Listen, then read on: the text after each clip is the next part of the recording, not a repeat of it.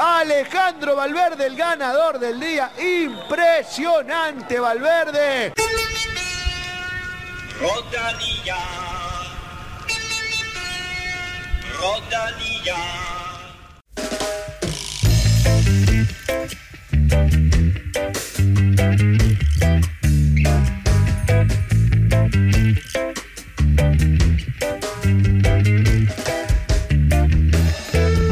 Buenas noches y bienvenido a Veloropa Podcast. Guten Abend und willkommen zu dieser Veloropa Sendung. Heute sollen, øh, ja, I dag skal vi tale om de to øh, forskellige etabeløb. Øh, det ene foregår i Spanien, mens det andet det sluttede i søndags i Tyskland. Vi taler naturligvis om Vuelta a España og så Deutschland Tour, der både gav os en dansk etabesejr og en dansk overraskelse på podiet.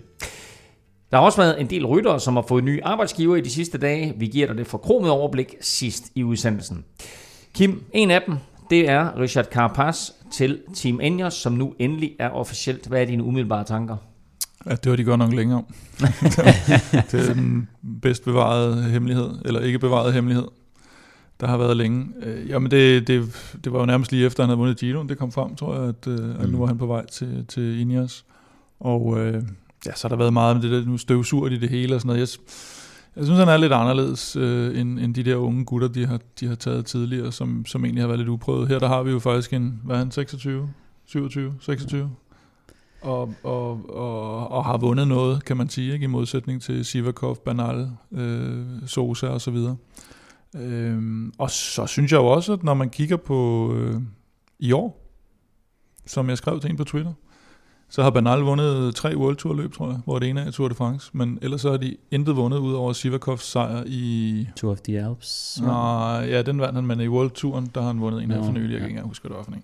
Så det er jo ikke sådan, at... Til gengæld så går det godt for dem i Vueltaen. Til gengæld går det godt i Vueltaen. Den kommer de nok heller ikke til at vinde, også. Men, men øh, det er jo ikke sådan, at du bare kan købe dig til, at øh, så vinder de alle World Tour løbende, fordi de har købt en masse talenter. De gør deres bedste i hvert fald. Altså, Ja, de, ja, det gør de, men, Men- men, det viser jo bare igen, at øh, der er andre hold, der vinder, der vinder mere. De støvsuger, og de gør klar til, at uh, duoen Geraint Thomas og Chris Froome ikke længere er der. Nu har jeg jo Egan Bernal jo altså vist, at han i hvert fald er, er næste skud på stammen, og så må vi se, uh, om Carapaz han så kan leve op til uh, sin status af Grand Tour-vinder, uh, i og med at han jo altså vandt uh, Giro d'Italia her i foråret. Nu er han i hvert fald hos uh, Team Ineos. Stefan med kælenavnet Staltip, Djurhus, velkommen til uh, dig også. Du forudsagde, at uh, Errada ville komme i top 3 i mandags, og den gik hjem. øh, ja, altså jeg vil sige, stor glæde blev vendt til stor forvirring. Og så til sidst til stor skuffelse. Men det var jo J. Herada, Det var nemlig top det. 3. Øh, så vi var mange, der troede, indtil Kim han lige opklarede, at det var José, der øh, sad i udbruddet. Og kørte en top 3 godt nok, og var også for Kofidis, ikke? Men, øh, men det var altså den forkerte øh, Hedada. Jeg nåede faktisk at skrive, fordi øh, jeg, talte, jeg, jeg talte med Tina Møller. Nå. Sent i går aftes. Nej. Nej, men jeg nåede at skrive til hende kæft. Jeg siger, Stefan han er så sindssyg, nu rammer han også 30 i dag. Og så går der et kvarter, eller sådan, og så skriver, så skriver Kim, ej, det er altså den forkerte Herada, der sidder i det udbrud der. Så du havde sagt, det var Jesus Herada, og så var brormand José. dagen efter, på, det var jo på femte etape det her, dagen efter på sjette etape, på en lignende etape, ikke? der rammer en, øh, der rammer en udbrud, og øh, der vinder han så etappen. Og øh, på den måde, så synes jeg, at analysen var okay.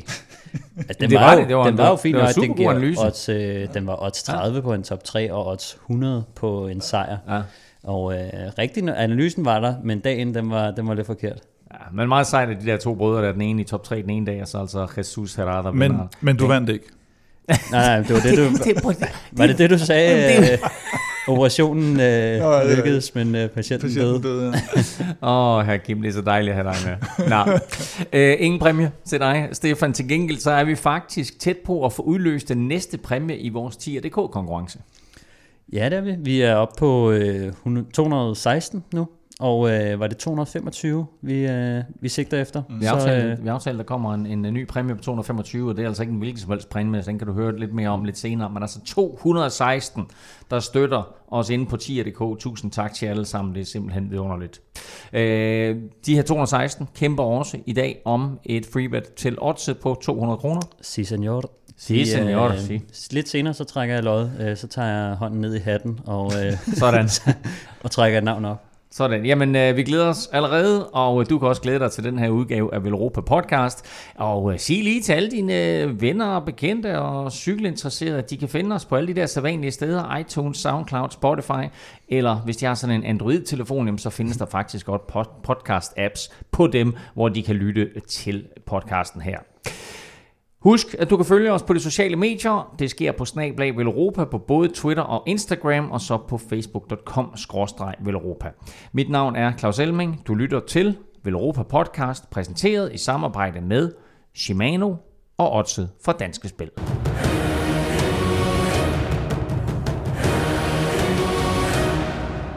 Vi lægger ud i Tyskland og med Deutschland Tour, som naturligvis står lidt i skyggen af Vueltaen. Men set med danske øjne, der blev løbet meget interessant og var endnu et vidnesbyrd om Kasper Asgrens flotte sæson. Der var blot fire etaper, men det var nok for den 24-årige dansker. På tredje etape var han hurtigste mand, og efter 189 km kom han til mål sammen med Jasper Støjven og slog ham i spurten. Og nu føler jeg måske lidt, at jeg gentager mig selv her, men er der noget, den her knægt ikke kan? Åbenbart ikke. Altså, øh, han, han slår igennem som, som enkeltstartsrytter, og, og lige pludselig så ser vi ham øh, i uh, Quicksteps uh, klassikertrup og bliver toer på Flandern. Så, uh, så tager han til Kalifornien og lærer at køre opad, og så efterfølgende så begynder han at spurte helt vildt godt. Så uh, han, han er, en mand. Og, og, og, og, og den her etappesejr bliver skabt på baggrund af nedkørsel sammen med Jasper Støjven, ikke? hvor de to de ligesom lægger sig i front. Jo, altså jeg tror faktisk, at Støjven kører væk først, og så, mm. øh, så kører Askren jo op til ham alene. Øh, efter flere har prøvet at, at lukke ham ned, så, så er det Askren, der helt alene kører, mm. kører op til Støjven, sidder lidt, og så øh, slår Basker han ham bare i spurten, og Støjven er altså en rimelig hurtig mand på stregen, men øh, det kan også være, at han var lidt træt efter at have ligget derude. Der er faktisk en ting, han er ret dårlig til. Ja. Og køre rigtig dårligt. Nej, Oh, jeg føler... Ja, godt. Ja, skide godt, Kim. Øhm, Støjven måtte nøjes med andenpladsen på etappen her, men han vandt øh, alligevel så meget tid på de øvrige konkurrenter. Han bragte sig i spidsen af løbet, fik føretrøjen, og den forsvarede han så på fornemmeste vis på fjerde og sidste etape, og dermed så øh, vandt han sammenlagt. Sådan en etape som det her, et fire løb i Tyskland, Deutschland Tour, hvor vil det rangere for ham i karrieren? Øh, jeg tror faktisk indtil videre, at må det vel betegnes som hans største sejr. Øh, han har vundet Kyrne Bruxelles Kyrne før, og en etape i Vueltaen. Men ellers er det mere sådan, altså flotte sekundære placeringer i store løb, men øh, det er nok hans største sejr, den her. så. Ja, jeg vil nok sige, Kyrne for en belgier er nok større. Ja, det kan du sige, men Altså, men her er det samlet, ja, det er rigtigt. Så det, ja. Jeg vil sige, også hvis man kigger men på... Men kørende det er sådan et holdet belgisk løb, ikke? men mest i Belgien. men altså, okay, hvis man kigger på, øh, på startlisten, så var det et rimelig pænt felt ja, det også. Og det synes jeg også, det skal man også huske, når man ser på de her. Det er jo heller ikke bare sådan en øh, kategori, og, mm. øh, hvor, hvor det lige hænder og sådan noget. Hvis, man kigger også ofte på startlisten og ser, hvem er det egentlig, jeg slår i det her cykelløb. Øh, og det er altså Joanne Thomas, Kwiatkowski, det er Greg van Amermart, mm. øh, Christoph, der er rigtig, rigtig mange dygtige cykelrytter med, så, så det, er, det er en kæmpe stor sejr for ham. Men det er sjovt, fordi og nu bliver det faktisk lidt sjovere, end det jeg sagde før. Mm. Men Vi glæder sig ja, da, da, hvis, man, hvis, man, nå, hvis man sad inden den her sæson og tænkte Støjven eller Askren, ikke, så ville man nok sige, okay, Støjven er en klart større rytter og klart større mm. navn. Men jeg troede faktisk lige pludselig, at vi sad og talte om, om det var Askrens største sejr. Hvor jeg sådan tænkte, nej, nej, det var den i Kalifornien jo. Nå, ja. Og det vil sige, her i Støjven, der er vi sådan lidt, jamen, det var måske egentlig hans største sejr, men hvis det havde været Askren, så nej, nej, det var ikke hans største sejr endnu. og det viser bare lidt om, at han, han ligesom på en eller anden måde næsten har overhalet Støjven bare i løbet af den her sæson, ikke?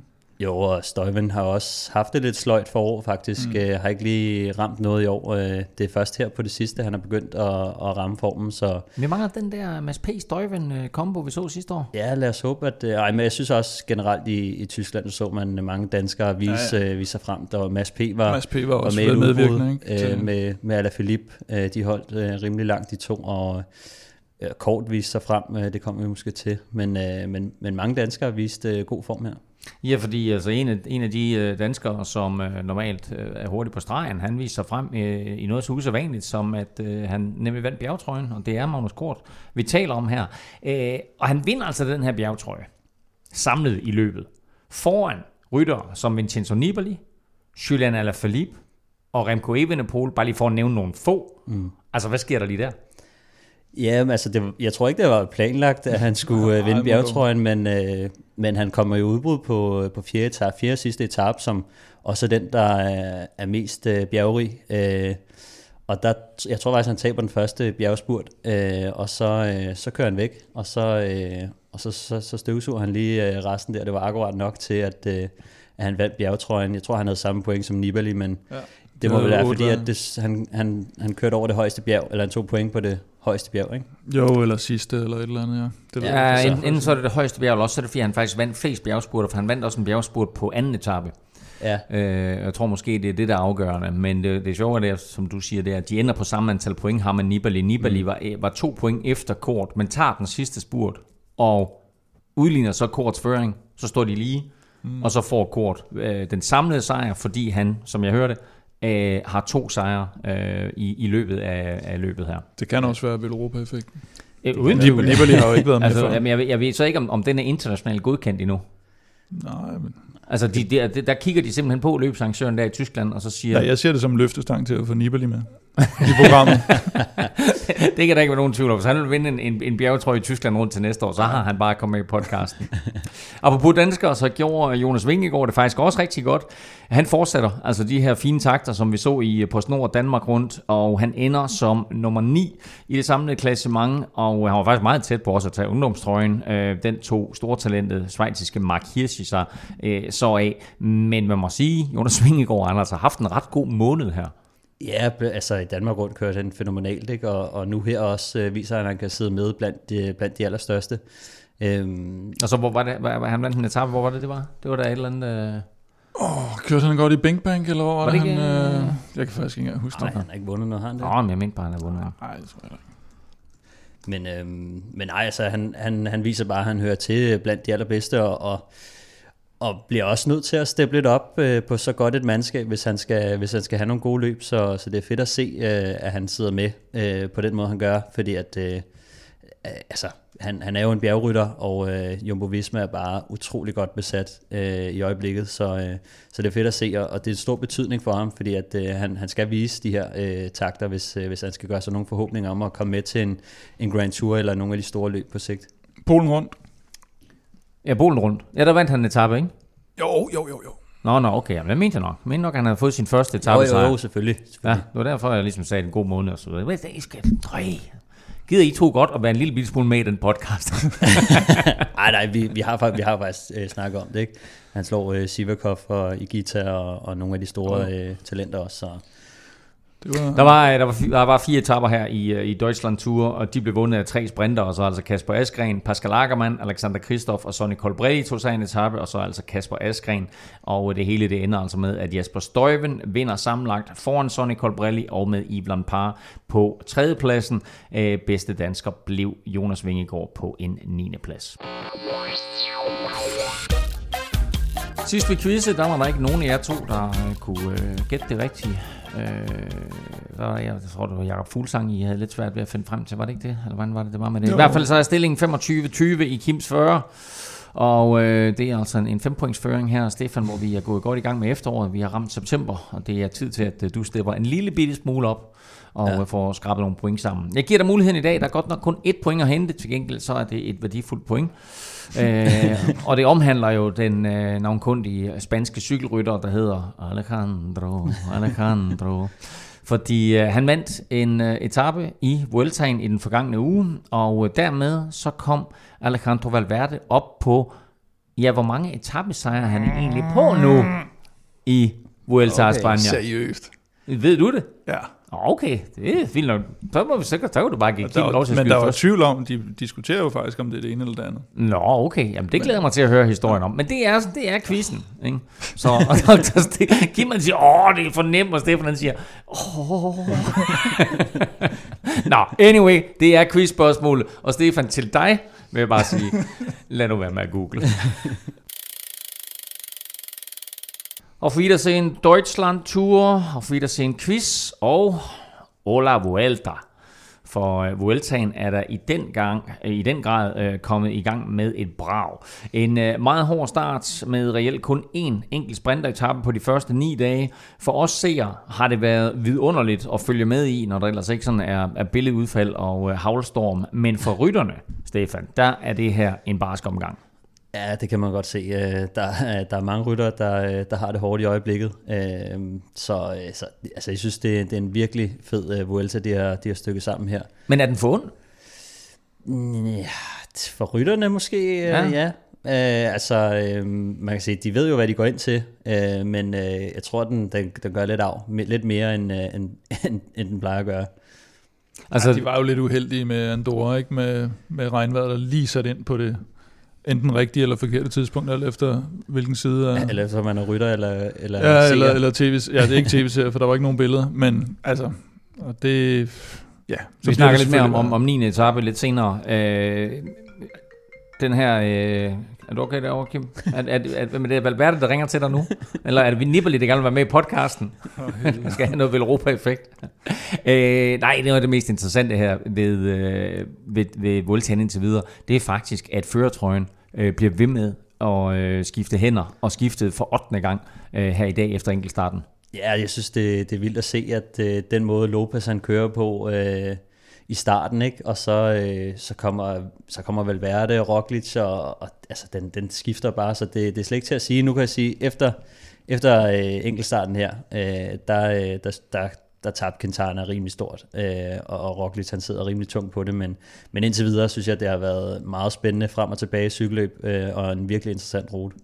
Og enkeltstarten den er slut her for ganske få minutter siden, så den vender vi lige om lidt. Men lad os først lige tage et kig tilbage på afslutningen øh, af sidste uges etaper, fordi den første uge af Vueltaen, den sluttede af med fem fede etaper fra onsdag til søndag. Øh, på femte etape, der vandt øh, Angel Merazzo fra det lille Burgos BH-hold. Han kom til mål sammen med to andre, og det lignede langt fra en hjemmesejr til den 31-årige Spanier.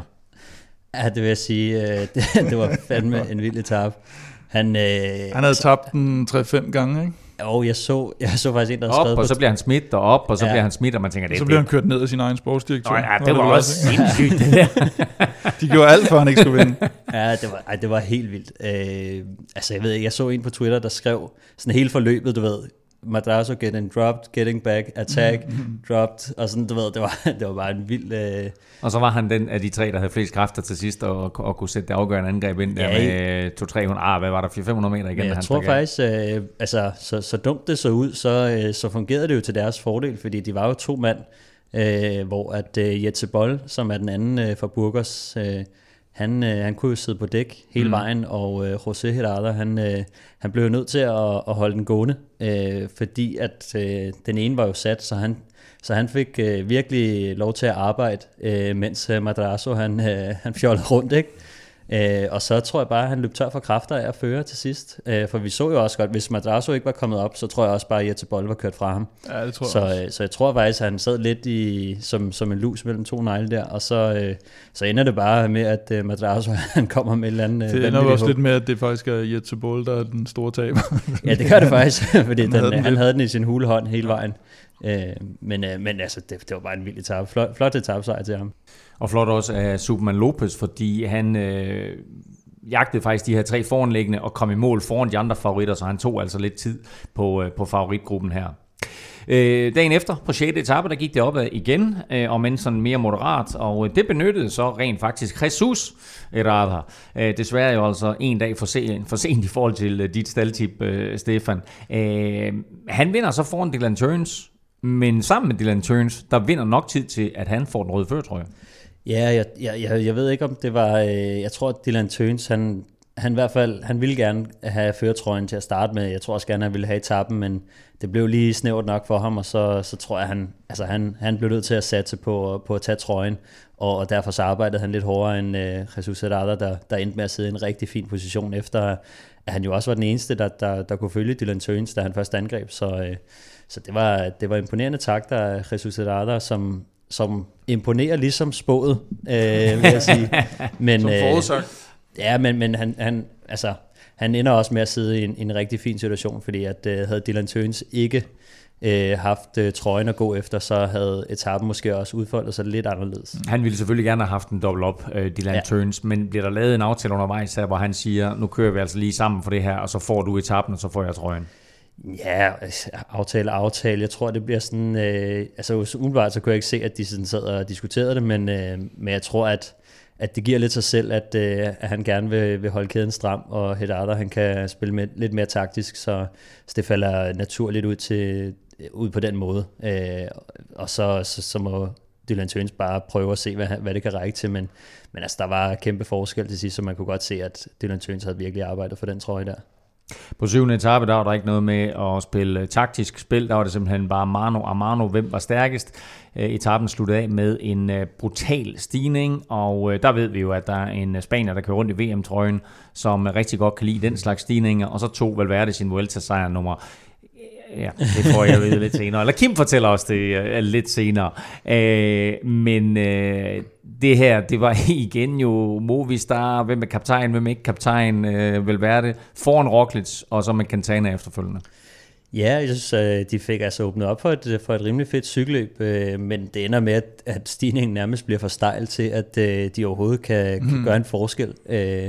Så, så det ender med, at de, de egentlig føltes rimelig pænt op til sidst, øh, efter jeg synes, de, de havde prøvet at åbne lidt op fra ude, øh, lidt længere udefra. Øh, men, øh, men ja, det, det, det kan se lidt øh, jeg synes, det, man ser tegn på, at øh, der er stor uenighed om, øh, hvem de skulle køre for. Øh, og Valverde, han ender jo med at, at køre den rimelig safe, øh, efter at det, det har set ud, som om han var i problemer øh, undervejs. Øh, men, øh, men, men han hænger sig på, og, og hvis man ikke øh, kører all out hele vejen til stregen, så, øh, så har han altså evnerne til at, til at hægte sig på og, og slå dem til sidst. Han er 39 år gammel, og han øh, er stadigvæk øh, rigtig, rigtig godt kørende, og især på den her type stigninger. Øh, 8. etape blev så sådan lidt et afbræk, øh, ikke så, øh, ikke så øh, vulgær øh, i sin konstruktion. Der var lige en øh, kategori 2 stigning, øh, sådan 20 km før mål, men det blev mere sådan en, i bogstaveligste forstand, øh, stillhed før storm. Et 14 stort udbrud, slap afsted med, og tyske øh, Niklas Arndt øh, kunne efter 167 km række armene i vejret som sejr her.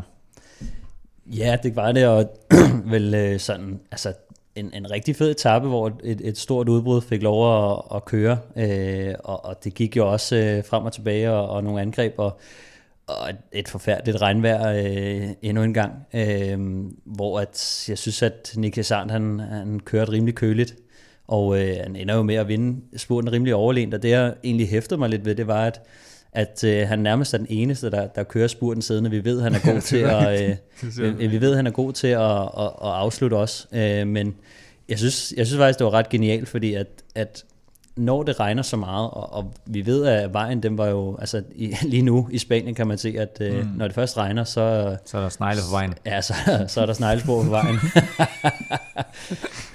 men, øh, men ja, altså, jeg, jeg synes, det var fedt, fordi han, han kørte den siddende spurt, og øh, det tror jeg bliver lidt afgørende faktisk, fordi at... Øh, når det regner så meget, og det er glat på vejen, og man rejser sig op, så mister man vejgreb øh, Men på han, øh, det har han gjort før, det der åbenbart. Det er åbenbart hans stil. Ja, men han, og det tror jeg hjalp ham lidt, fordi at jeg, jeg har altså prøvet at køre nogle spurters på den der måde. Når man først rejser sig op og læner sig fremad, mm. så mister man øh, greb i, i accelerationen, og øh, jeg tror faktisk, han var den eneste, der kørte spurten siden hele vejen, så jeg tror også, det har hjulpet ham til at, at, at vinde den her etape, fordi at ja, det, det, det er altså noget, øh, man lige mister øh, halvandet tråd, når man starter sin spurt, hvis, øh, hvis man rejser sig Og det var over en stil. Han var nærmest en hel øh, cykellængde foran øh, nummer to på etappen. Øh, og så kom 9. etape. En af de vildeste etapper i Vueltaens historie, og vel sagtens årets bedste Grand Tour etape. Øh, efter et veltimet udbrud af Superman Lopez, hvor han fik hjælp først af en af Isigir-brødrene og senere af Jakob Fuglsang, øh, så blev det hele ødelagt af et styrt på øh, det her afgørende sidste grusstykke. det fik vi jo desværre ikke billeder af. Der var billedudfald på det tidspunkt på grund af, af regn og øh, og storm og, og havlvejr. Øh, og så ender det hele med, at Tadej Pogacar vinder etappen foran Nairo Quintana, og vi har talt om Pogacar før, øh, og var jo også øh, øh meget tidligt med på den her Pogacar-vogn, men det her er vel hans helt store gennembrud, den her 20-årige slovener. Ja, det er det. Altså han, øh, han har jo gjort det helt vanvittigt godt, og jeg kan også huske, at vi talte om i Vuelta-optakten, at jeg tror, jeg heldigvis fik sagt, at øh, han nok kom til at gøre det faktisk bedre end Ardu, øh, havde jeg lidt på fornemmelsen. Fordi han er sådan en, han er en af de der typer, hvor man siger, nah, men nu skal vi også lige Nu skal han også lige i gang, og lidt med Evenepoel også, ikke? eller Bernal og sådan noget. Han skal også, nu skal han lige vise, hvad han kan, og, sådan noget, og så tramper de bare ind over det hele. Ikke? Og, øh, og han er, rigtig, rigtig god, ham her. Ja, han har jo vundet, øh, hvad er det, Portugal rundt, øh, eller Og Algarve Tour- rundt Og hedder Tour det. de l'Avenir sidste år jo. Ja, så, og- altså en af fremtidens stjerner vidste vi jo, men altså det er jo sjældent, at de så så hurtigt træder ind på verdensscenen, men her der vinder han altså en etape øh, i Vuelta a España, og vel at mærke øh, første uges kongeetappe. Og, og han sætter øh, Quintana og øh, resten af, mm. af favoritterne i det her løb, ikke? Så, øh, så man vil sige, selvom han har også vundet øh, Tour of Californien, og altså, det er ikke hans øh, første gang, han, han viser til. Nej, han vinder men, øh, Kalifornien foran i Gita, gør han ikke?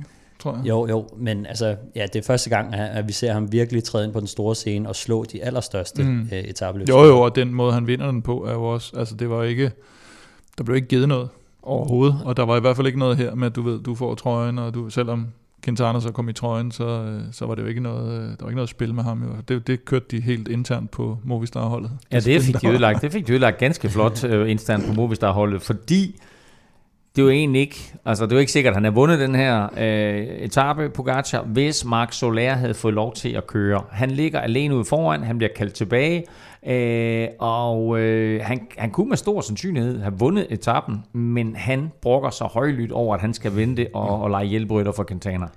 Ja, og det, det, kan, jeg- det kan jeg så godt forstå, fordi at det, det, det så rigtig, rigtig flot ud for ham at, at forestille dig at have kørt øh, sådan sådan en hel dag der, og så være så tæt på sejren, og så, øh, hvad er det, der er 3-4 km tilbage, mm. så får han at vide, at han skal vente på Quintana.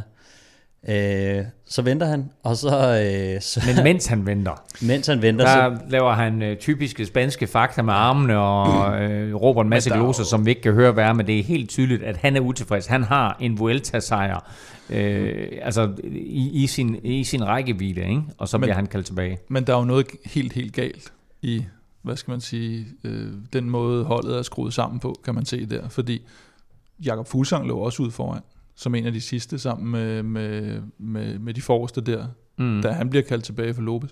Men de har ligesom en plan. De har fastlagt den her plan lige fra starten med det angreb, de satte ind, og som så rigtig godt ud indtil Lopez styrtede, og de gjorde alt det rigtige. Sendte folk ned lige på, den rigtige, på det rigtige tidspunkt, Altså Fuglsang, han er, han er altså vinder af Liège, Bastogne Liège og, og, mm. og Dauphiné. Og han ser det som det mest naturlige i verden, at han falder tilbage, når han får besked på det, fordi de har en mission om, at Lopez han skal vinde Vueltaen.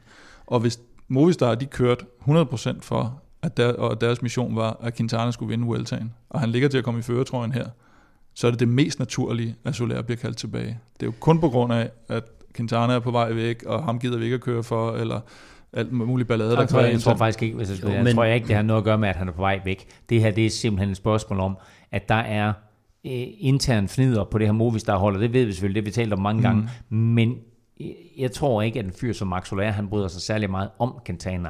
Nå, Øh, du kunne noget- se den måde, det var sådan, at de alle sammen agerede i Tour de France omkring Quintana, ikke? Altså det der punkt der, hvor, hvor, hvor Valverde bare kører forbi ham, uden at ende ham et, et, et blik. De eller kigger, land- slet ikke på, land- de land- kigger heller ikke på en hinanden i Vueltaen. Præcis. Ikke? Så altså Max Soler, han har en etappesejr her inden for rækkevidde. Det er vigtigere for ham, end at hjælpe Quintana. Og det siger jo alt om hans personlige holdning til det, men siger selvfølgelig også noget omkring, at det er vist Jo, meget godt, at Movistar øh, slipper af med Quintana. Ja, fordi da, da han så øh, siger, Nå, nu kan jeg ikke trække mere for dig, Quintana, så, øh, efter så, 600 meter. ja, så, så lægger han så bare ned på hjul af Valverde og Roglic, eller hvem fanden det er, som kører stærkere end øh, Quintana på det tidspunkt. Ikke? Mm. Så der var måske nok lige lidt Men- mere, ellers så var han jo bare faldet hele vejen ned igennem. Ikke? Jeg, jeg vil også sige, at, at det går lidt frem og tilbage på det her Movistar-hold, som starter med ikke rigtig at bakke Quintana op sådan fuldt ud, øh, og så, øh, så lige pludselig, så, så trækker de øh, Soler øh, ud, som altså, har mm. nærmest etappen i sin hulehånd. Ja, ja.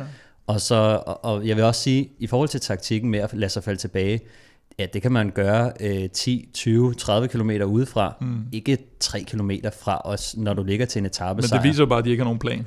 Altså, Ja, den, men- den kommer sådan, øh, en horribel beslutning. as we go along. Det, Øh, det synes jeg, Så horribel beslutning af sportsdirektøren. Ja, fuldstændig. Jeg, jeg, jeg sad også og, og, og så Eurosport, og Bjarne Ries, han, han var jo med til at komme til og sige jo, at, at øh, det samlede klassement er det vigtigste, og det kunne mm. han godt, altså sådan, det var ligesom om, at jamen selvfølgelig, men altså, hvor meget kan han nå at hjælpe Quintana på øh, 3 kilometer? Øh, det er tre sekunder, han kan gøre en forskel måske, fordi at de kører opad, og øh, altså, Så meget, Ej, så meget vind er der heller 3 ikke. sekunder. Nej, men jeg vil sige, den forskel, du kan gøre, nej, i, i sidste ende, så ender han jo med at føre for ham i, hvad, 600 Nå meter. ja, det er rigtigt. Men det var også Øh, fordi, Men, det, men Nå, det, er men så, det jo mener- så, fordi han ikke gad jo. Altså. Jo, men altså Quintana var blevet sat af Pogacar, og han kunne ikke hente ham alligevel. Og, og jeg vil sige, så meget kan du heller ikke, øh, hvad hedder det, tage vinden øh, på sådan en bjerg der, det sidste stykke op. Øh, selvom han gerne ville noget mere, så havde han ikke kunne gøre den store forskel. Og så synes jeg også bare, at når, når, de gør, når de går ind til den her enkeltstart, hvor de bare ved, at Quintana nok kommer til at miste en del tid også, så betyder de her 3 sekunder, maks 5 sekunder, ikke det store i, i det samlede regnskab. Så jeg synes stadigvæk, det kommer lidt an på, om du har det. Altså fordi hvis du har en plan om, hvis du nu havde en fuldstændig stålsat plan om, at Quintana skulle vinde Vueltaen, så er, de, så er 5 sekunder vigtige, så er 10 ja, sekunder men så vigtige. skulle de også have sendt ham ned noget tidligere. Nå, jeg er fuldstændig ja. enig, men det viser bare igen, at det, det bliver sådan lidt, nå okay, nå, øh, okay, så nu skal du så tilbage, fordi nu ser det lige pludselig ud til, at vi Ja. måske kan gøre et eller andet, eller sådan noget.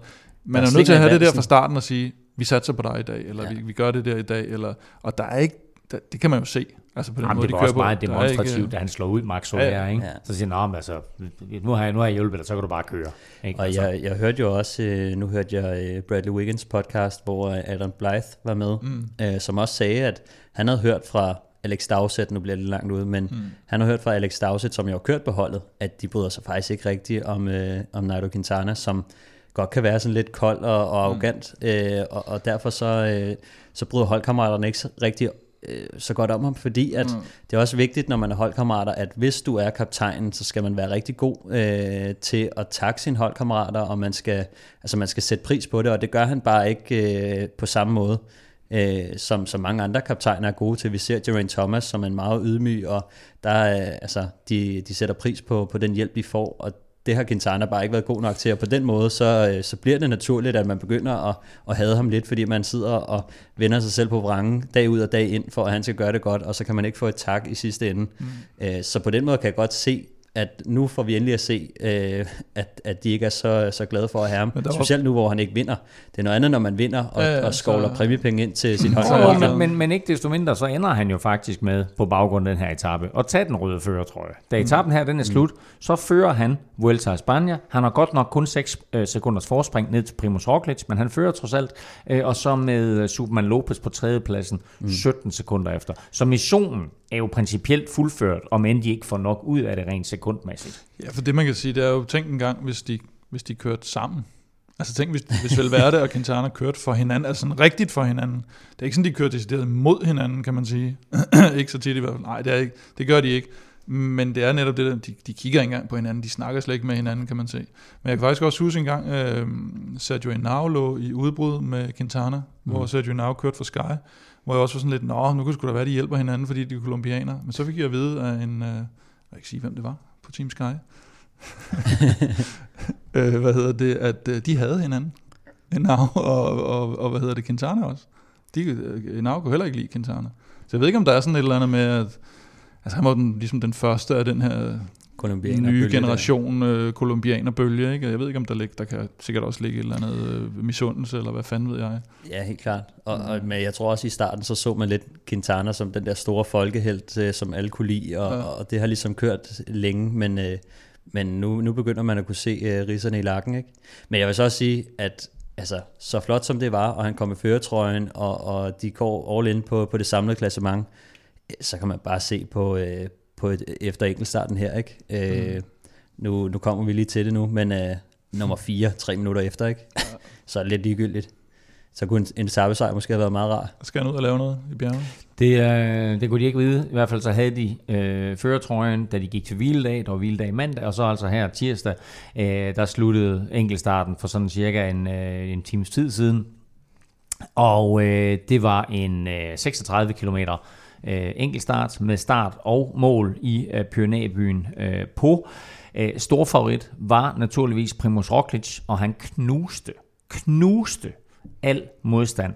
Quintana blev dagens store taber. Øh, han tabte over tre minutter, øh, men også Valverde tabte tid, og Superman Lopez mistede tid til øh, den hurtige slovener. Og faktisk så var Roglic så hurtig, at selvom han startede to minutter efter Lopez, så hentede han altså kolumbianeren 500 øh, meter før målstregen. Det her, det var en magtdemonstration. Ja, fuldstændig. Øh, vi, vi, vi havde forventet, at, øh, at han ville øh, vinde den her etape, men øh, jeg vil sige, det, det er en kæmpe store tidsforskel her. Øh, Roglic, han, han sidder nu solidt på tronen med, øh, med knap to minutter til Valverde, og øh, lidt over to minutter til, til Lopez, og så Quintana tre minutter efter. Så det er så, så spændende og, og åben den her Vuelta har været indtil videre. Øh, vi må sige, at, øh, at det, det er all in for, for at slå øh, Roglic nu. Men nu Han- kommer tredje uge også. Nu kommer tredje uge, og der er han jo øh, gået ned før, og det øh, som øh, vi talte om i starten, så det her, det er altså en øh, brutal øh, Vuelta. Øh, vi taler lidt mere om den kommende uges etapper øh, lidt senere. Øh, men den her enkeltstart, øh, der sidder Patrick Bevin faktisk rigtig lang tid i, øh, i hot seatet, og ser ud til, at han har en chance for at vinde den her øh, enkeltstart. Øh, han overhaler øh, Cavagna med to sekunder, så de to er et og to indtil øh, Roglic altså kommer ind og, øh, og smadrer dem og vinder den her med, øh, med 25 sekunder ned til Patrick Bevin. Med den her sejr, der skriver Roglic sig faktisk også ind i historien, fordi han er øh, en af få ryttere, som har en etappesejr i alle tre øh, Grand Tours, og øh, så lidt bladet, så har han faktisk vundet en etape i alle de Grand Tours, han har deltaget i. Det her det er hans femte Grand Tour, det er første gang, han kører Vuelta. Han har en etappesejr i de to Tour de France, han har kørt, og han har en etappesejr i de to Giro d'Italia, han har kørt, og nu er altså en etappesejr i Vueltaen, så det er sådan pænt blæret. Men ja, også en lille note i forhold til ham, og, og vi, vi har set ham gå ned i tredje uge før. Mm. Han har øh, stort set ikke kørt et cykelløb siden øh, Giro d'Italia. Han har kørt de nationale mesterskaber, så han har fået en, en rigtig fin pause oven på øh, det nederlag, han, han led der. Så, mm. så vi må forvente, at han har en lille smule mere at skyde med her i, i sidste uge af, af Vueltaen, så der, der skal lægges an til, til angreb.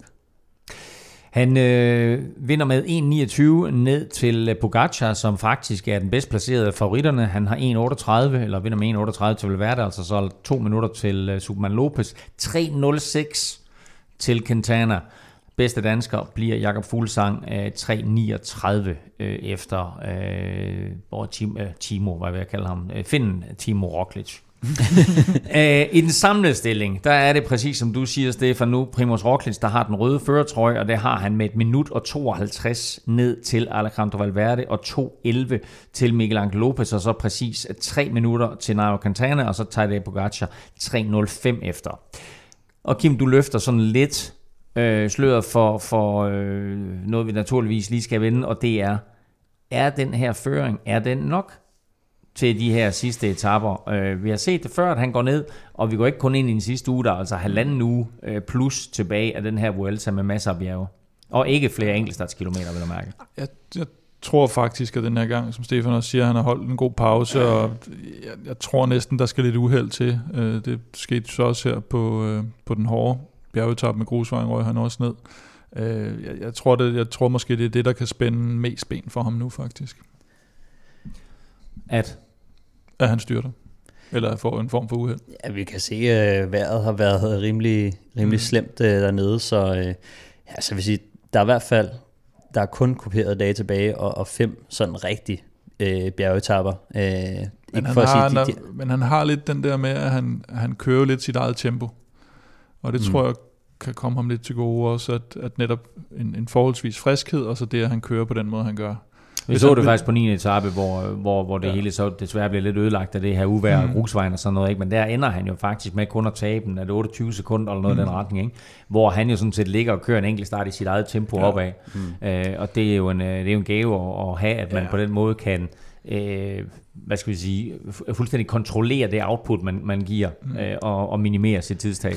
For sandsynligheden for, at du virkelig går ned, er jo alt andet lige større, hvis du begynder at ligge og rykke med, og lige pludselig virkelig brænde tændstikker af, ikke? Og, og ikke har styr på, på, på netop, hvor meget du har tilbage i, i posen, ikke? Så, så, så kan den godt være lidt farlig. Men jeg vil sige, vi er også velsignet med en uh, Superman Lopez, som uh, godt kan lide at angribe. Han går ud og angriber. Og uh, vi er også velsignet med uh, Valverde og Quintana, som, som dybt uvenner, uh, som uh, skal ud og angribe. ja, ja. Uh, og uh, så, Og, så og Pogacar, okay, han er 3.05 efter, han kommer ikke til at vinde den her Vuelta, men han kan altså godt lave noget ballade, noget ravage. Han skimter da en podieplads.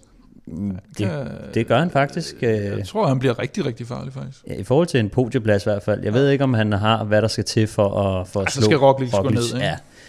Ja, øh, det skal han godt nok. Ja. Men okay, altså han er to minutter foran, så selvfølgelig skal han gå ned. Hvis han ikke skal vinde den her Vuelta, så skal han gå ned, men det var præcis det samme, vi sad og sagde i Giroen, da han var langt foran, Nå, jamen, så er det her afgjort. Mm. Altså der er jo kørt 10 etapper i Giroen, og tænkte vi også, Nå, men den vinder Roglic, og så gik han jo fuldstændig ned. Mm. Så det er jo den helt store historie her i resten af Vueltaen. Ja, og så vil jeg også sige, at, at Roglic han sidder jo med et utroligt stærkt hold i øjeblikket. Mm. Øh, specielt øh, Sepp Kuss har jo kørt fantastisk.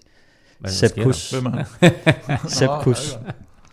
Øhm, men han har jo også George Bennett, øh, Racing, Krausweig, øh, eller havde. Ja, Krausweig er Øh, men, men altså stadig, øh, ja. man kan se, når de rammer bjergene, så er de altså flere, der godt kan bidrage til at, til at hjælpe ham på vej. Så, øh, så de skal altså ud og finde på et eller andet, hvis de skal knække det hold også. Vildt nok, ikke? De øh, starter med at tabe 40 sekunder på, øh, på holdtidskørslen ja. efter styrt og så videre. Nu fører han altså med, med to minutter næsten ned til Alejandro Valverde. Lige om lidt, der kigger vi frem mod den øh, kommende uges øh, vigtigste etapper, og så får du naturligvis også Stefan og Kims spilforslag. Vi er nu oppe på 216 dejlige støtter på tier.dk. Det er vi ganske enkelt øh, meget, meget taknemmelige for, og øh, tusind tak til alle, der støtter os. Du kan også støtte os på tier.dk. Beløbet det er valgfrit, og du donerer hver gang, vi udgiver en ny podcast. Og når du donerer, så deltager du automatisk i lodtrækningen om fede præmier. Og Kim, vi har jo den næste lodtrækning allerede ved 225, så hvor mange mangler der der, Stefan? 9. Ja, det er stærkt, der er han hurtig. Nå, men det er en vild præmie, der er på højkant, Kim. Ja, det er jo en, øh, en laserhjelm. Sådan. Så meget, så meget en kan jeg sige. det er sejt. Ej, jeg synes ikke, det var det fulde navn. Nej, jeg vil gerne have det det fulde ikke navn. Laser Century Special Limited Edition. Sådan. Og den har en værdi af små 1300 kroner. Det er rigtigt. Ja. Og jeg tror faktisk, jeg tror, jeg lægger et billede op af den. Hvilken Snart. farve er det? Den er sort. Den er Sort. sort. sort. Ja. Godt. Jamen, øh, super fint. Det er altså øh, præmien, der er til udløjning. Øh, Men, blandt- men, men. Ja, Nå, Breaking news. ja, kom.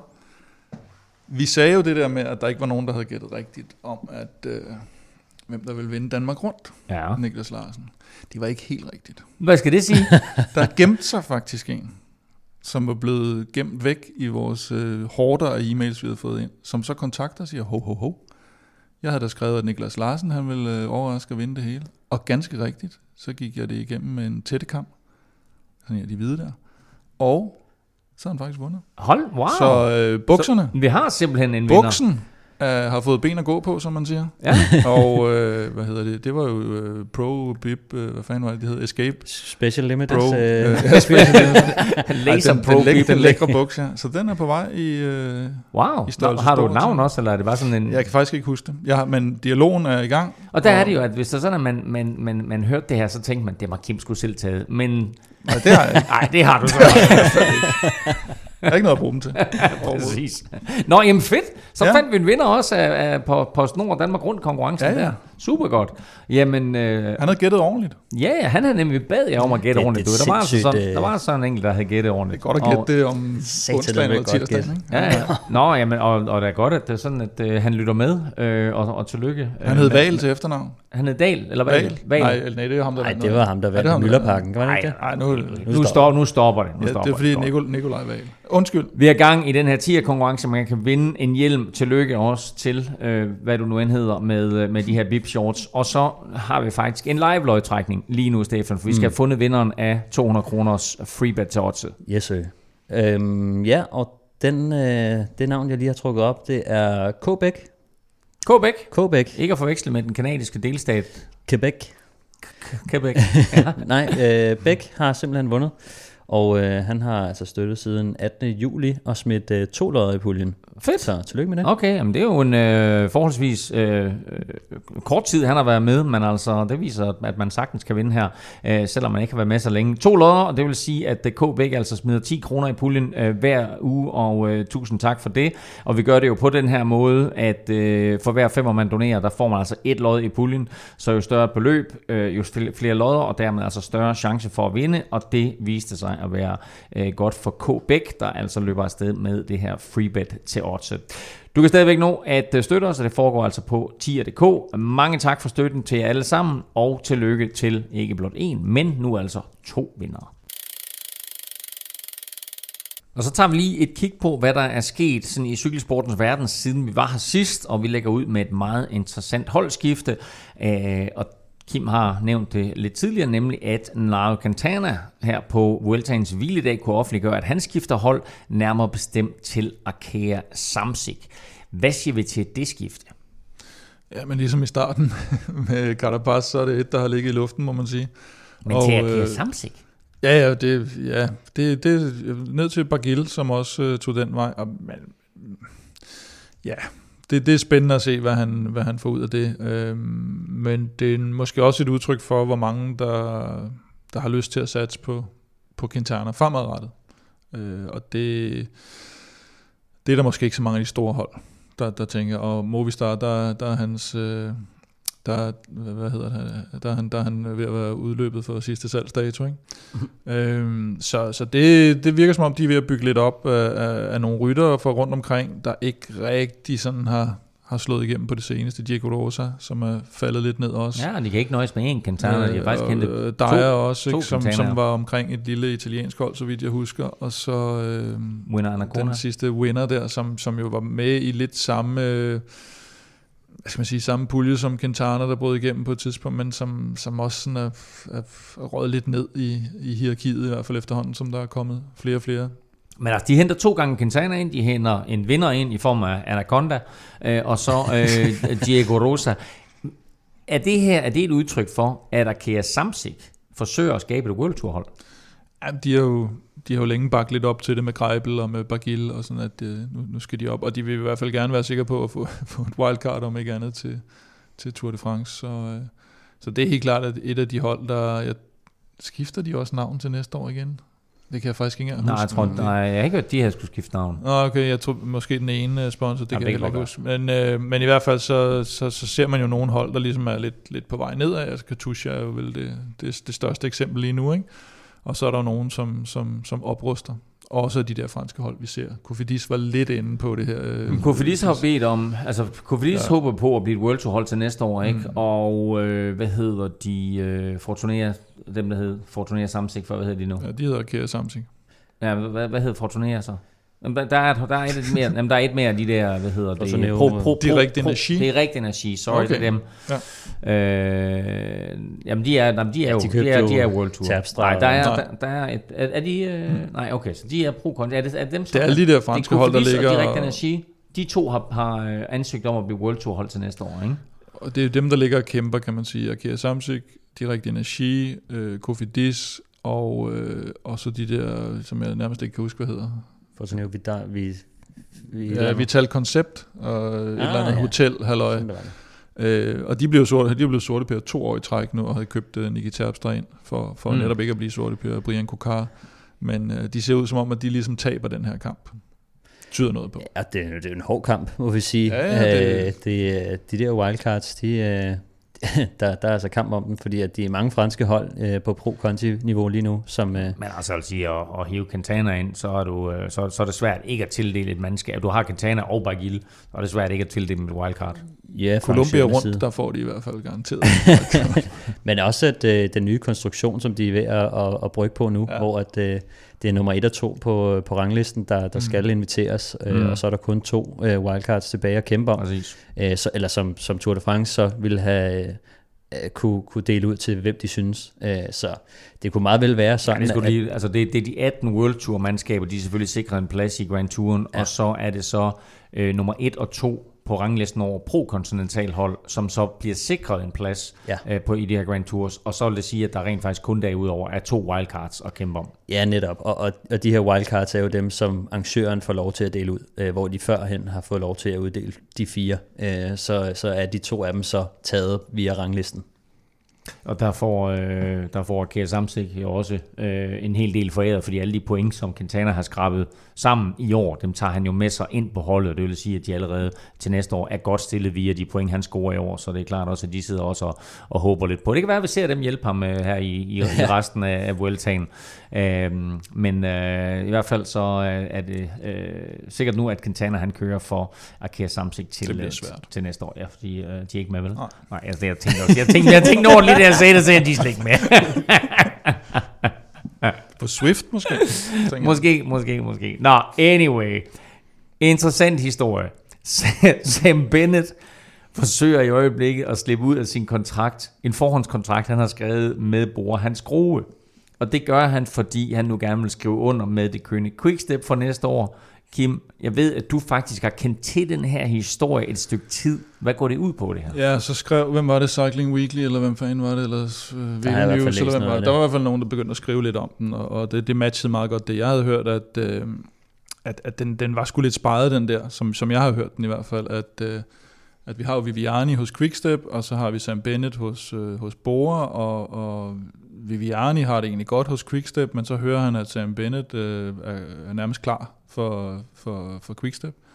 Øh, Lefebvre vil have ham over, og så videre, og det er jo som det er, og så tænker han, så må jeg jo hellere smutte til et andet hold, og så får han øh, dollar offer for Kofidis og tager et skridt ned der, man vil i virkeligheden hellere have blevet, og så kommer lige pludselig frem, at Sam Bennett havde i virkeligheden måske nok lige kommet til at lave sådan lidt en forhåndsaftale med Bora, øh, som man nu skal tjekke, som jeg forstår det, øh, den juridiske øh, Har du validitet af. set, øh, hvad det, hvordan den øh, hænger sammen, det der? Så vidt jeg lige øh, kunne læse det på, på Cycling Weekly, så var det sådan noget med, det var i en mail, øh, hvor de havde aftalt, hvor der var blevet nævnt nogle tal og så videre.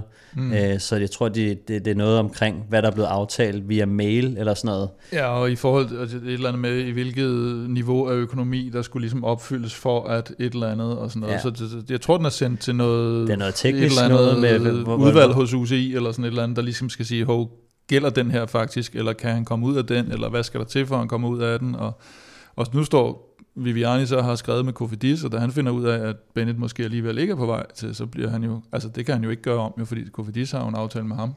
Så mm. de siger jo ikke bare, nå okay, jamen, så smutter du der bare tilbage. Men altså, præcedens, det er jo, at man får lov til at hoppe ud af kontrakten. Det så vi jo med Sosa. Ja, netop, og, og, og ja. så må man også vurdere i forhold til sådan, altså hvor meget har bruger øh, lyst til at holde fast i ham. Ja, øh, fordi at de Ja. har øh, Sagan, de har øh, Ackermann, og ja. øh, altså er de, I har de lyst ende, til at beholde øh, ham her, som alligevel ikke gider være der. Øh, så I sidste ende drejer det sig jo altid om penge. Jamen, altså, når du først er derude, når, man, når du først er derude, så ved du jo godt, at ham her, ham, jo, han er jo en god mand for vores hold, og han skaffer point, og han skaffer, skaffer sejre. Men hvis ikke han gider være her, så ja. gider vi jo egentlig heller ikke have ham. Men det kan man jo ikke bare sige. Så siger man jo ikke bare, nå okay, fint, så får jeg ham bare. Fordi så tager man jo det spil der, ikke? Så man skal selvfølgelig sige, okay, men det kommer, Så- til, så det kommer til at koste sig. Så der er en eller anden form for kompensation.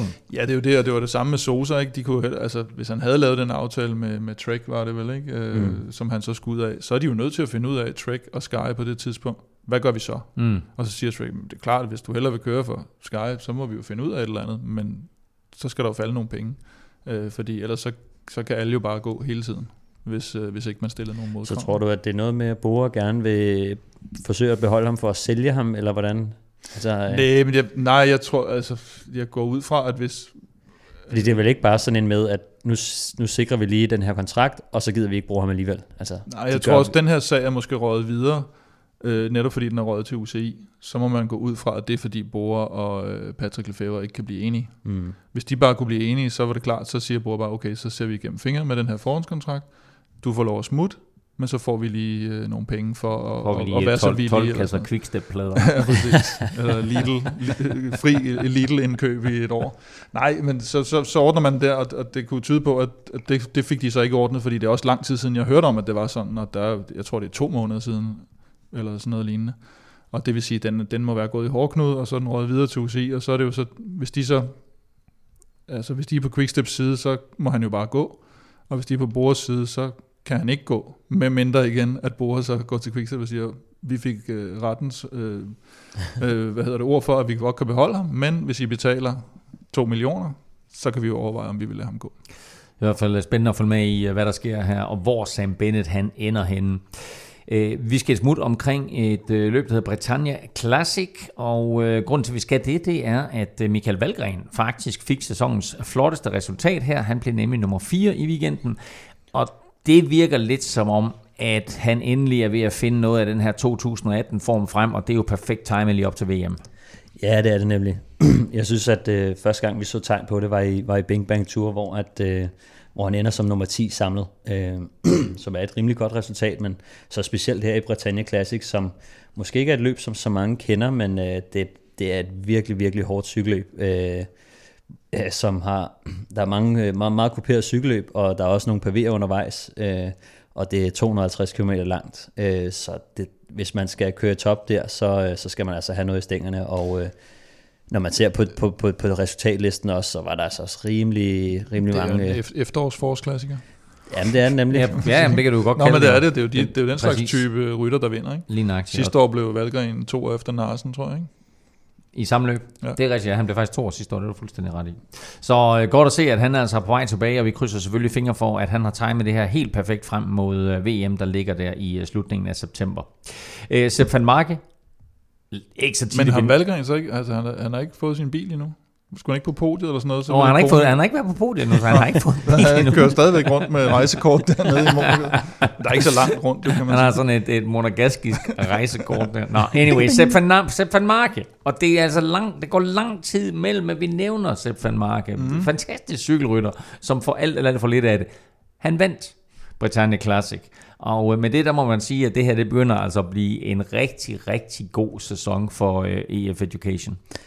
Ja, det vil jeg sige. Øh, de havde jo selvfølgelig øh, den helt store øh, sejr i, i Flandern rundt, og øh, med, med Bettiol, som, som vandt der ek- ekstremt flot, og, øh, og Van Marke blev fire i øh, Paris B. Det var også et, et rimelig godt resultat, men udover det, så, øh, så har det mere været på sådan øh, øh, Grand Tour eller et etabeløbsniveau, de har, de har præsteret, men, men jeg synes også, det virker som, som et hold, som altså begynder at præstere på, på alle fronter nu, og, og gøre op for, for nogle af de, de dårlige år, de har haft, hvor de jo Mm. nærmest ikke har, der var jo, hvad var det, der var lang tiden, hvor de ikke vandt et cykelløb. Ja, især et World Tour løb, ikke? Det var jo det var helt Ja, der var mange lang år, tid. øh, Ja. der var gået uden øh, en sejr der, så, øh, så det, de har virkelig fået vendt skuden, og, og det bliver også sjovt at se øh, Magnus Kort, som jo er, er ny mand på, på det hold Mhm. næste år, øh, som, det virker også som et hold, som, som egentlig kører sådan lidt åbent, og der er mange, der, der er med om budet, øh, og øh, det er ikke sådan, at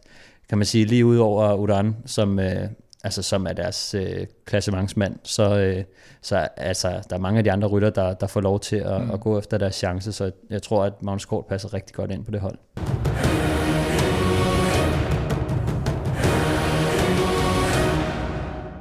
Om lidt får du spiltips øh, fra Stefan og Kim til øh, resten af Vueltaen og afgørelsen af Vueltaen. Øh, og øh, den afgørelse, den finder vi faktisk måske allerede den kommende uge, som byder på øh, ganske varieret terræn. Der er to flade etapper, der er en enkelt kopieret, og så er der altså tre bjergetapper, og øh, Vueltaen, de elsker altså de her etapper, der slutter opad, øh, så den ene bjergetappe er vildere end den anden. Øh, fredag skal rytterne fra øh, Bilbao til øh, Las, Mo- øh, Las Mochucos. Det er 13. etape, og den byder på 167 km, seks kategoriserede stigninger, og så en vanvids afslutning. Godt nok kun 7 km opad mod mål, men det er med stykker undervejs på 16%, 19% og så 2 gange 25%. Hvem til gode sætte? Uff, Ja, det, det, det, det, det, er jo svært sidst, de kørte op ad de der stejle. Der var, Der var det vel værd det. Nej, men det til gode så jo ikke, som, altså, som Stefan også var inde på, det, det er svært at lave en forskel. Fordi mm. når du er nede i det, de hastigheder, de kører der, ikke? og de lave gear, at så, så, er det, så er det svært at... Så udligner det mere, end at ja, det, det, skaber det gør det afstand? faktisk typisk. Det gør det Altså- typisk. Men mindre der er blevet angrebet langt udefra, Det- og det- folk er helt smadret, når de kommer frem til den, og, og, kommer, og allerede der kommer mm. Så forskelligt hvis man går ned, så går man ned, men nogle gange så, er det sådan, så kan det også blive så stejlt, så at du har to gear. Enten så. Ja. zigzagger du, eller også så kører du lige. Altså, ja.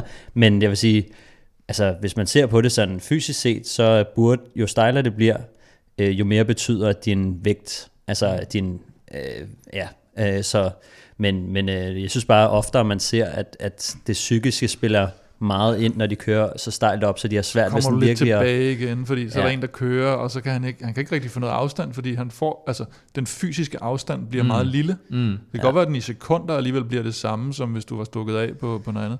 Men den fysiske afstand bliver så lille, og så kigger du tilbage og siger, okay, jeg fik ikke hul. Det gjorde du måske i virkeligheden, men det føles bare anderledes. Ikke? Mm.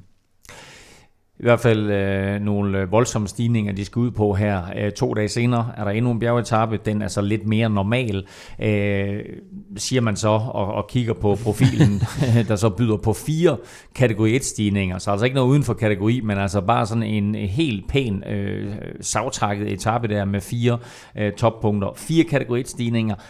Og så kigger jeg på den der, og så tænker jeg, det er sådan en, øh, en Liège-Bastogne-Liège, bare med lidt højere bjerge er det her, er det her, er det sådan endelig der, hvor vi får fuldsang at se? Øh, jeg tror, der er rigtig, rigtig mange tapper herfra, øh, som, øh, som kan få betydning for, for fuldsang. Men jeg tror også, at der er lige nu øh, stadig en rolle i at bakke Lopez op, ja. hvor at de etapper, som er anset som klassementsetapper, der vil Fuglsang være lidt mere låst, og så dem, som anses som udbrudetapper, øh, hvor de ikke slutter op af, eller i nogle store bjerge, der tror jeg, at vi får lov at se øh, Fuglsang. Hvis han får lov til at køre, så er det nok mere på de etapper, end på de sådan helt øh, store klassementsdage. Jeg tror, jo længere vi kommer hen, og hvis Roglic har det forspring, han har, altså så, så, man, så de begynder at sige, okay, Lopez vinder ikke, men han måske kan få en, eller han får nok en podieplads, og det er det, vi kører om, så kan en etappesejr lige pludselig være mere værd, eller den har højere værdi ja. lige pludselig. Ikke? Fordi øh, hvis, man, hvis man kan udelukke den samlede sejr, de vil selvfølgelig helst have den samlede sejr, men jo længere de kommer nærmere, at de ikke får den, jo større chance for at fugle. Der er kun den der lille have det, at øh, vi ved ikke, øh, om Roglic går ned, og de selvfølgelig også sidder og håber nej, nej, på, at Roglic går jo. ned. Ja, og så tror jeg også i forhold til det, det, til det med Jakob, at når han ikke er i topform, øh, så bliver det svært at gå efter de der etapper med de helt høje bjerge. Mm. Der er det nemmere at komme igennem de der mellemetapper, som jo også er enormt hårde, men det bliver lidt nemmere for sådan en som Jakob at, at, at gøre en forskel på de etapper frem for de, de helt store øh, bjergetapper. Jeg tror, han tager en. Jeg tror sgu også, det, han har det, det, det er du nødt til at sige, fordi det var et af, af Velropas... har jeg spillet på det? Ja, det var et af Velropas tip, øh, inden øh, Vueltaen gik i gang, så vi håber naturligvis på en, øh, på en, en sejr, en etappesejr til Jakob Fuglsang her ja. øh, på en af de sidste etapper. Mandag er en dejlig dag, for der kan rytterne nemlig se frem til en hviledag, men først så øh, straffer Vueltaen dem lige endnu en gang. 145 km, godt nok stille og roligt, øh, to kategoristigninger, og så en 17 km stigning uden for kategori op mod målet i Alto de la Cubia. Øh, hvem er god på sådan nogle lange stigninger med sådan, jeg vil ikke kalde det flade procenter, men i hvert fald lavere procenter? Så fu- Fuglsang er meget god. Jamen det er han jo. Jamen det er han jo. Øh, men jeg synes bare, de der korte etaper, der, der så man jo også den der ultrakorte, hvad var den, 96, den med, med grusvejen til sidst der. Mm-hmm. Altså det, det, det, det, det synes jeg giver et ret godt vedløb som regel, og, og der plejer faktisk at komme ret god spredning på, fordi de kører cykelløb fra starten, når de på en eller anden måde, tror jeg, ved at dække så mange kilometer. Ikke? Og 145 er jo heller ikke sådan super Nej, nej, det, det slutter af som sagt med, med den her 17 km stigning, og øh, vi glæder os jo alle sammen til øh, den 19. Øh, etape, eller der 20. etape var det i, i Tour de France med den her afslutning op ad Val Thorens, der var så på 37 km. Men der endte det hele jo bare med, og det var selvfølgelig også den næst sidste etape, og folk var tilfredse med deres podieplacering, men der endte det jo bare med, at det var sådan en udskilling af de svageste, og så sad de der top 6-8 ryttere sammen hele vejen op. Er det lidt det samme, der kommer til at ske her? Ja, hvis de venter til, til den sidste stigning, vil det formodentlig være sådan. Men det bliver, vil det blive nødt til, med mindre at de får lavet det helt store forkromede øh, angreb, hvor de sender flere hjælperytter ja. ud for at et eller andet, øh, lad os sige, lad os tage Movistar som et eksempel, som jo har, godt kan lide at sende rytter tilbage. øh, altså der er jo et, et godt fladt stykke, eller sådan meget lavt stigende stykke fra, øh, fra den næst sidste stigning lige på den etape, øh, hvor du, du skal altså ligge og køre en, ja, hvad skal du køre, en 20-15 km måske øh, på flad vej, øh, før den så rigtig begynder at tage fat igen, den afsluttende stigning der. Så det er bare svært at angribe øh, så langt udefra, øh, fordi at man vil bruge en, en, en helvedes masse kræfter mm. øh, på de mellemstykker der, så jeg tror desværre, det bliver en, en lidt flad øh, omgang, øh, ligesom vi så det i, i turen med, med den etape, du siger. Øh, fordi at, at vi får ikke de der stejle procenter til sidst, og jeg tror, at det bliver nemmere for et hold, som lad os sige, Roglic stadig har trøjen, så tror jeg, at hans hold er, det er et stærkt hold, som vil kunne guide ham rigtig, rigtig langt op ad, den her, op ad det her bjerg.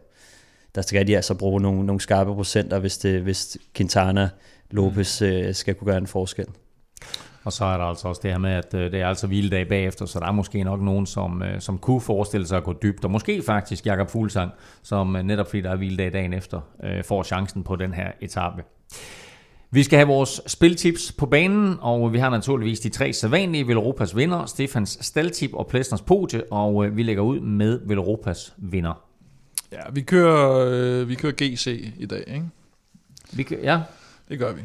Så klassement? Øh, ja, og der er vi nødt til at sige Roglic, som det ser ud lige nu. og, når, og klassementet, der mener du samlet efter, når vi rammer Madrid. Der er vi Madrid. Det er med Så vinder af Vuelta i Spanien 2019. Du er hoppet på Roglic-vognen. 1,45 på Roglic-vognen. Okay. Jo, men det man det, nu er, altså, det, det er nu, man skal, man skal spille den, ikke? Ja, Og så går man enten ned med den, eller også så, øh, så tager man hele vejen, og så giver den 1,01 i overmorgen, havde han sagt. ja, ja. Jeg siger bare, Valverde giver odds 10 som vinder af ja. Vueltaen. Ikke? Han ligger Jo. altså to år lige nu, så går Roglic ned, så er Valverde øh, manden, der kan, der kan tage den samlede sejr her. Quintana lægger cyklen ind Vi skal have... Øh, no! øh, vi skal have Stefan Staltip. Ja, det skal vi. Jamen, øh, som sagt, øh, som du siger, Valverde, han, øh, han ser så meget godt ud lige nu, og øh, jeg tror, at, øh, at øh, den strid, de har med på holdet der, der tror jeg, han har lyst til at, at vise, hvem der er manden. Det virker som om, at han ikke er, er sat i verden til at, til at støtte øh, Quintana længere, så øh, jeg tror, at vi får ham at se sådan for alvor gå efter øh, klassementet, og øh, som det ligger lige nu, så har han en rigtig fin chance for at køre en top 3. Øh, det tror jeg godt, han kan, og øh, den giver omkring odds 3 lige nu. Øh, det, synes jeg, det synes jeg er rimelig flot. Han, han ligger jo og kæmper med, med Quintana og Lopez øh, om, om øh, de sidste to pladser, så øh, jeg, jeg 19, 19 sekunder foran øh, Lopez, øh, 1 minut og 8 foran sin holdkammerat Quintana, og så øh, 1 minut og 13 foran Pogacar. Ja, de, de, altså netop på grund af, at, øh, at han har den tid på Quintana. Øh, jeg, jeg har svært ved at se Quintana komme ud og, og trække øh, omkring halvandet minut ud af Valverde, så, så af den grund, så synes jeg godt, man kan, man kan spille på Valverde, så gør det inden øh, det er for sent. Og hvad er oddset på en Valverde i top 3? 3. Odds 3 på, at det vil være, at han ender på podiet i uh, Vueltaen. Og apropos podie, så skal vi altså have skal Plæsners vi. podie. Ja, det skal vi. Lidt mere realistisk bud, måske. Okay. øh, ej, jeg har jo... Øh, jeg har, jo, øh, jeg har jo sagt tidligere i udsendelsen, at øh, Pogacar, øh, at det, ja, han bliver farlig. Han det bliver du farlig. så, ja. Pogacar. og han er Pogacar, han er på, han er på vej opad, Pogacar. og øh, jeg, jeg tror faktisk, han ender på podiet. Okay. Okay, Det er et bold statement, men Ja. ja. øh, det, så den vogn skal man også til at hoppe på. men det jeg godt kan lide, det er godt, og vi skal lige have oddset på, hvad, hvad giver Ja, Pogacar den er omkring en femmer.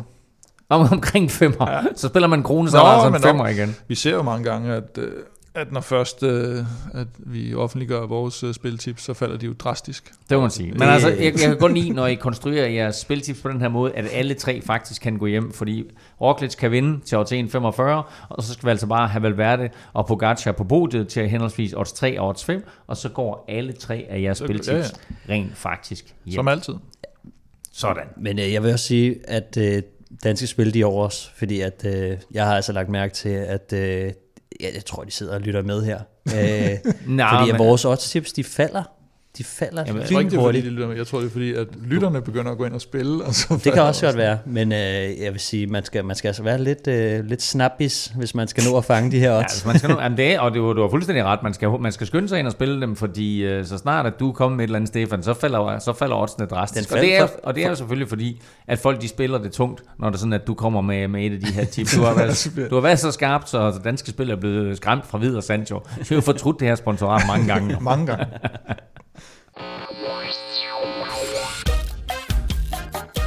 Vi skal have fundet en afgørelse på quizzen, og jeg må indrømme, at jeg faktisk... Jeg, jeg, jeg kom vist til at snyde dig for et point tidligere, Kim, fordi... Om det er jeg vant til.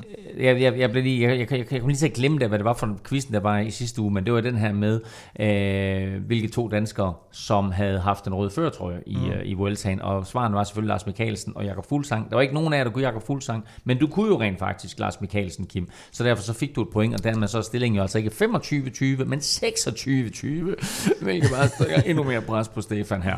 Og så er spørgsmålet i dag, hvor mange etappesejr har Valverde i Vuelta a España? Stefan, du får lov til at øh, byde først. Og når, jeg så, når du kommer med dit bud, så glæder jeg mig meget til, at Kim kommer med det rigtige bud, som han jo meget hånende fik sagt, at det var da for nemt det her. Må jeg lægge den over på Kim øh, til at starte med? Det må du meget gerne, hvis du vil. Det er et smart træk jo. Ja, Så smider jeg lige over på Så, Kim. så rammer du sådan boldgaden. Du har jo været vant til at lægge dig lige sulkien på mine odds, og så lige vurdere det, og, og lige sådan... Og, Helt sikkert. godt.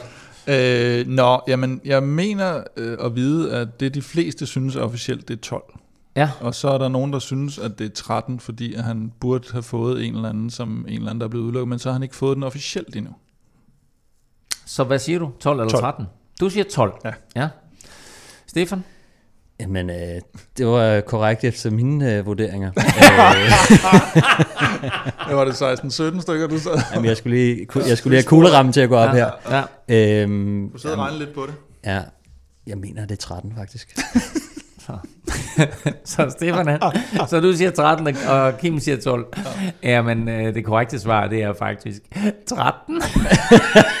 Det, det er det ikke. Det er det. Nej, det er det ikke. Helt officielt har Valverde vundet 13 etappesejre i Vuelta a España. Nå, og så den- kan, det være, så kan det være, at, at, at dit, regnes, dit regnestykke det er 13 og 14, men helt officielt har han vundet 13 etappesejre i Vuelta a España. Med den han vandt her i sidste mm. uge, der er han oppe på 13. Så du har fuldstændig ret, Stefan. Du kender din, uh, din cykelhistorie. Tak. Sådan. Et Det er, point det, er til... ikke, det er ikke mig og Kim, der laver reglerne. Det Præcis. er resultates Det bliver en, øh, det, det er de 50 kroner, jeg har lagt i dommervognen, kan jeg sige. Det er de. Anyway, der var et point til Stefan, du er tilbage Yes. i quizzen. Reducering 26. 21. Sådan. Vi er tilbage i næste uge med meget mere quiz. Mulighed for at reducere yderligere, Stefan, og naturligvis en status på Vuelta a España. Og så også et kig på, øh, frem mod etabeløbets øh, afgørelse. Og så begynder vi jo så småt også at kigge frem mod øh, VM, øh, der mm. køres fra 22. til 29. september i Yorkshire i England. Øh, og Kim, hvordan ser det ud med, med caféen i weekenden? Er der, er der mulighed for at komme ned og Vi se har, Vuelta? fakt, vi har faktisk øh, noget bogreception i morgen, onsdag. Ja. Klokken, ja, der er jo cykeltur fra 17 til 19, som altid Ja. onsdagstræning, som man er velkommen til at møde frem til. Og så Thomas Alstrup, som øh, har udgivet en bog på Politikens Forlag, som er med i vores cykelklub. Sådan. Øh, han øh, kommer ned og fortæller lidt om, hvad det er for en slags... Og hvad tid er det? klokken, det? er så klokken 7, når de kommer Ja. tilbage. 7 til 8. Okay. Øh, Og der er fri entré. der er lidt øh, fri entré og lidt øh, forfriskninger, tror jeg også. Sådan. Faktisk, for det ikke Ja. skal være liv. Og så tror jeg lidt, jeg skal, jeg skal på caféen på søndag, måske. Og stå lidt der og, Sådan. og Så, hygge lidt om gæsterne, som jeg jo elsker. og der er mulighed for at komme ned og, øh, og se en af de her skønne etapper. Det er altså øh, en af de her øh, meget, meget afgørende bjergetapper, som vi får at se øh, på øh, søndag. Den kan du også komme ned på caféen og, og se sammen med andre cykelinteresserede danskere. Du kan følge Kim på øh, Twitter på snablag Velropa, og Stefan finder du på Instagram på snablag S Djurhus. Undertegnet finder du alle steder på snablag NFL Ming.